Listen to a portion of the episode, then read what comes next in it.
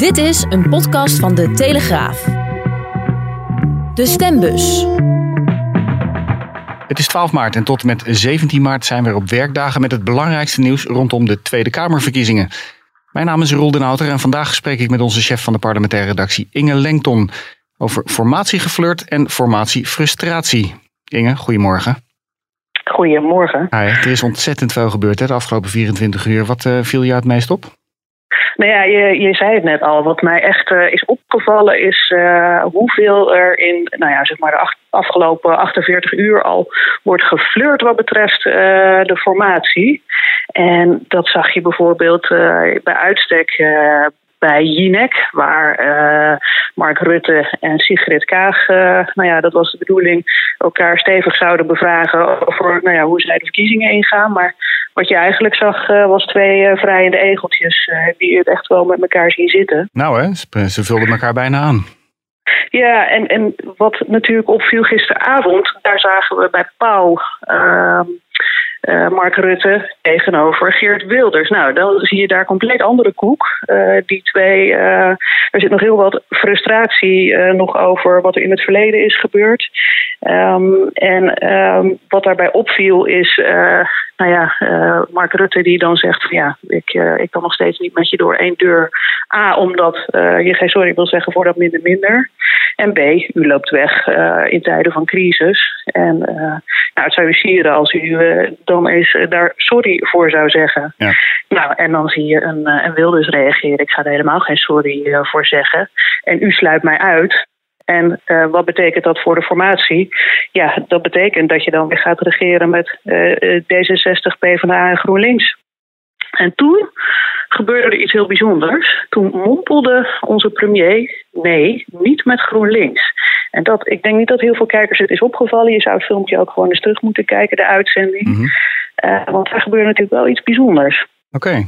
Niet met GroenLinks. Want ik, uh, vanmorgen plofte de Telegraaf bij mij op de mat.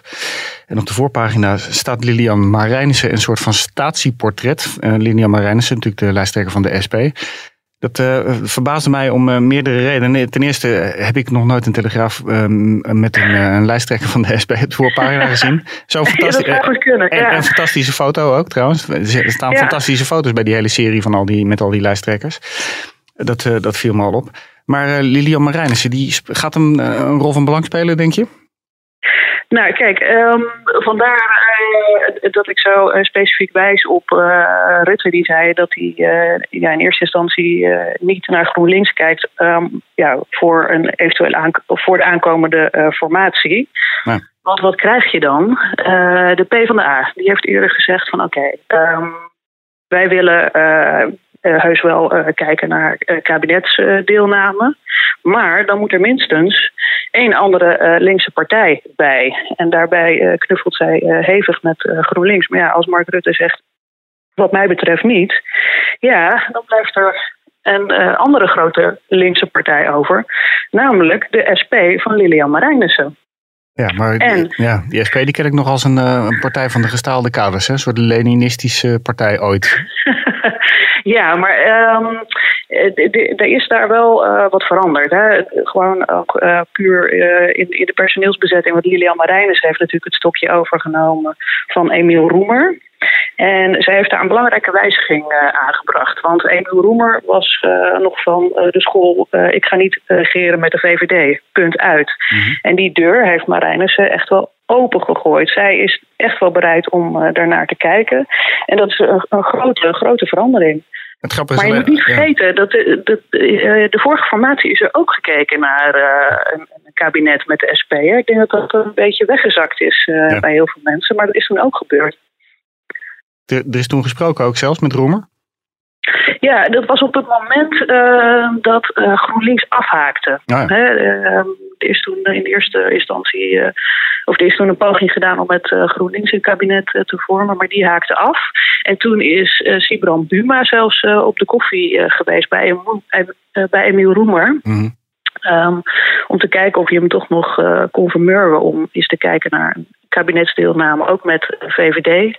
Nou ja, Roemer die, die heeft die deur best wel hard dichtgegooid. Die zegt nee, dat gaat gewoon niet gebeuren. Waar ik wel naar wil kijken is uh, uh, met het CDA iets voor elkaar te krijgen. Ehm, maar ja, daar had je zoveel andere uh, partijen voor nodig. Dat is de geschiedenis ingegaan als het sprookje van Buma en de Zeven Dwergen, zo noemde de CDA-leider. Ja. Um, maar ja, hè, er is al wel eerder gekeken dus naar een, een, kabinet met de SP erin. En um, ja, het is iets wat je in de wandelgangen ja, nu ook wel steeds vaker hoort, dat dat zeker niet uitgesloten moet worden. Hè. Of dat gaat gebeuren, nou ja, dat moeten we nog maar zien. En of er het inderdaad echt niet met GroenLinks wil. Hè? Want hij zegt wel, ik wil niet, maar of dat niet gaat gebeuren, ja, dat moeten we ook nog maar zien. Want Rutte is natuurlijk wel eerder ook uh, ja, zeer flexibel uh, gebleken in. Uh, ja, maar het gaat natuurlijk ook om wat, wat, vindt, wat, wat vindt de SP zelf, Lilian Marijnissen? Je hebt met ja. Alexander heb je gesproken met, met Lilian Marijnissen, die super, ja. ontspa super ontspannen op die foto's lijkt te staan. Ja. de VVD is natuurlijk ook wel een beetje naar links geschoven. Hè? Dat hebben jullie ook al wel aan haar voorgelegd, toch? Ja, nou ja, als je, als je, dat, uh, als je aan haar vraagt van vind je de VVD uh, nou links geworden, dan moet ze in eerste instantie heel hard lachen en uh, roept ze nee, nee, nee. Um, maar zij ziet ook wel dat die SP, of dat die VVD wel een, een, eindje richting de SP is opgeschoven. ze willen bijvoorbeeld opeens een minimumloon omhoog. marktwerking is niet langer heilig. dus daar ziet zij wel een verandering. En, maar dan zegt ze, ja, weet je, of dat nou echt zo daadwerkelijk gevoeld wordt bij die VVD, dat dat belangrijk is, dat geloof ik niet zo. Maar uit pragmatisme kan dat zeker uh, gebeuren dat die VVD die pasjes uh, naar links maakt. Maar ja. laten we eerlijk zijn, ze zegt tegelijkertijd dat ze nog heel ver van elkaar afstaan natuurlijk. En dat is ook zo. Ik denk dat ehm, ja, mochten zij serieus aan elkaar gaan snuffelen, dat daar echt nog ja, heel wat uh, water door de Rijn uh, moet uh, aan, aan beide zijden natuurlijk. plus de andere partijen die eventueel ook aan een tafel schuiven. Maar ja, het, en Lilian weet natuurlijk dat als je met de VVD gaat regeren, dat dat niet altijd goed afloopt voor jouw partij. Juist, juist. Ja, dat is natuurlijk zo. Ik, ik zo zie ook wel hoe dat is afgelopen met ja. de P van de A in, in kabinet Rutte 2. Die zijn eigenlijk daar nog steeds van aan het bekomen. Ja, ik zie die SP'ers nog steeds niet in hetzelfde kabinet zitten als de VVD. Maar jij denkt dat, het toch wel een, dat die deur een kiertje open staat? Absoluut, die deur staat zeker op een keertje open. Ook zelfs in Os. Um, want um, het gaat natuurlijk, oh, zelfs in Os. Ja, het gaat, het gaat natuurlijk uh, om uh, wat is het alternatief. En uh, wat je dan veel hoort bij uh, VVD en CDA is dat ze nou, een eerder interesse zouden hebben in een SP dan in Jesse Klaver van GroenLinks. Die ze vooral in zijn klimaatopvattingen echt zien ja, de, zulke hoge eisen zien stellen dat zij denken dat Nederland uh, failliet gaat. En met SP is wat dat betreft best wel uh, te praten. Ja, oké. Kom straks bij je terug. Straks hoort u verder wat er op het programma staat voor vandaag. Maar eerst een overzicht van het laatste campagnenieuws.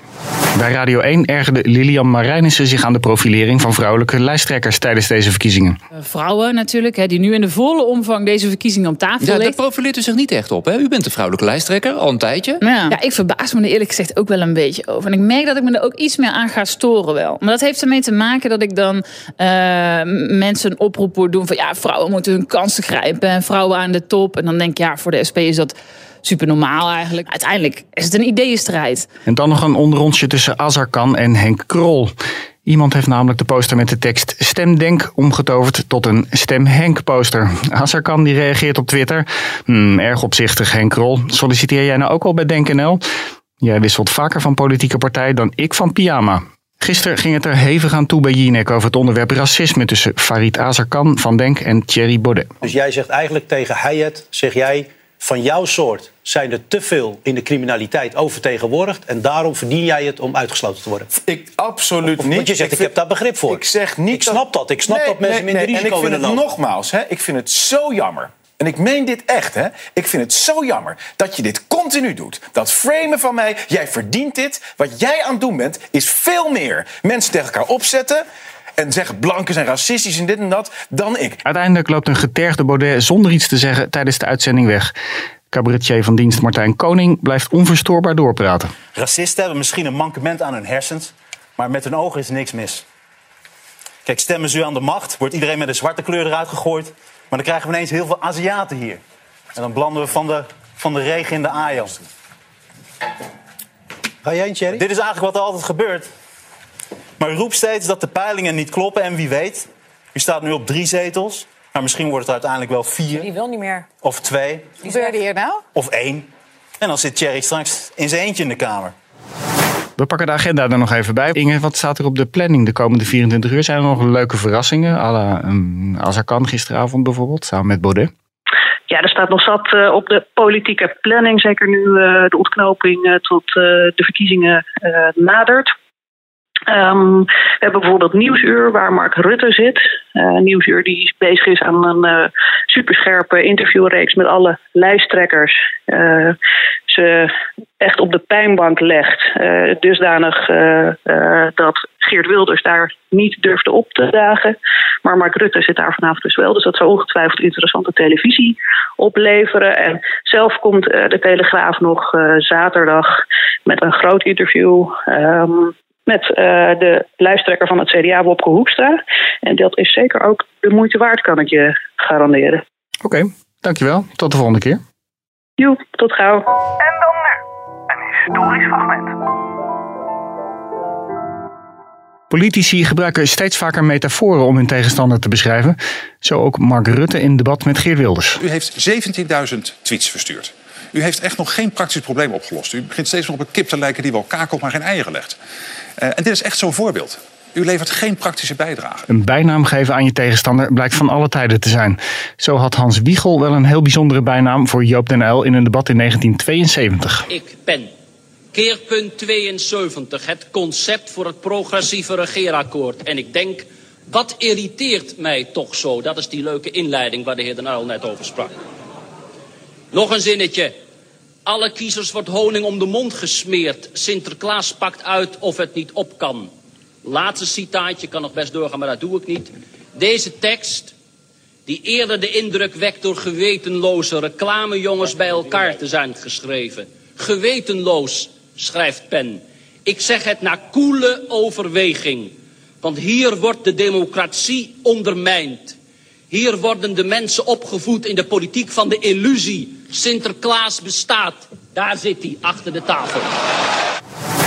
Dit was de stembus voor vandaag. Vond je dit nou een leuke podcast? Laat dan een review achter in de App Store. Of abonneer je via jouw podcastkanaal, zodat je niks mist. Morgen zijn we er weer met een nieuwe update van de campagne voor de Tweede Kamerverkiezingen. Tot dan.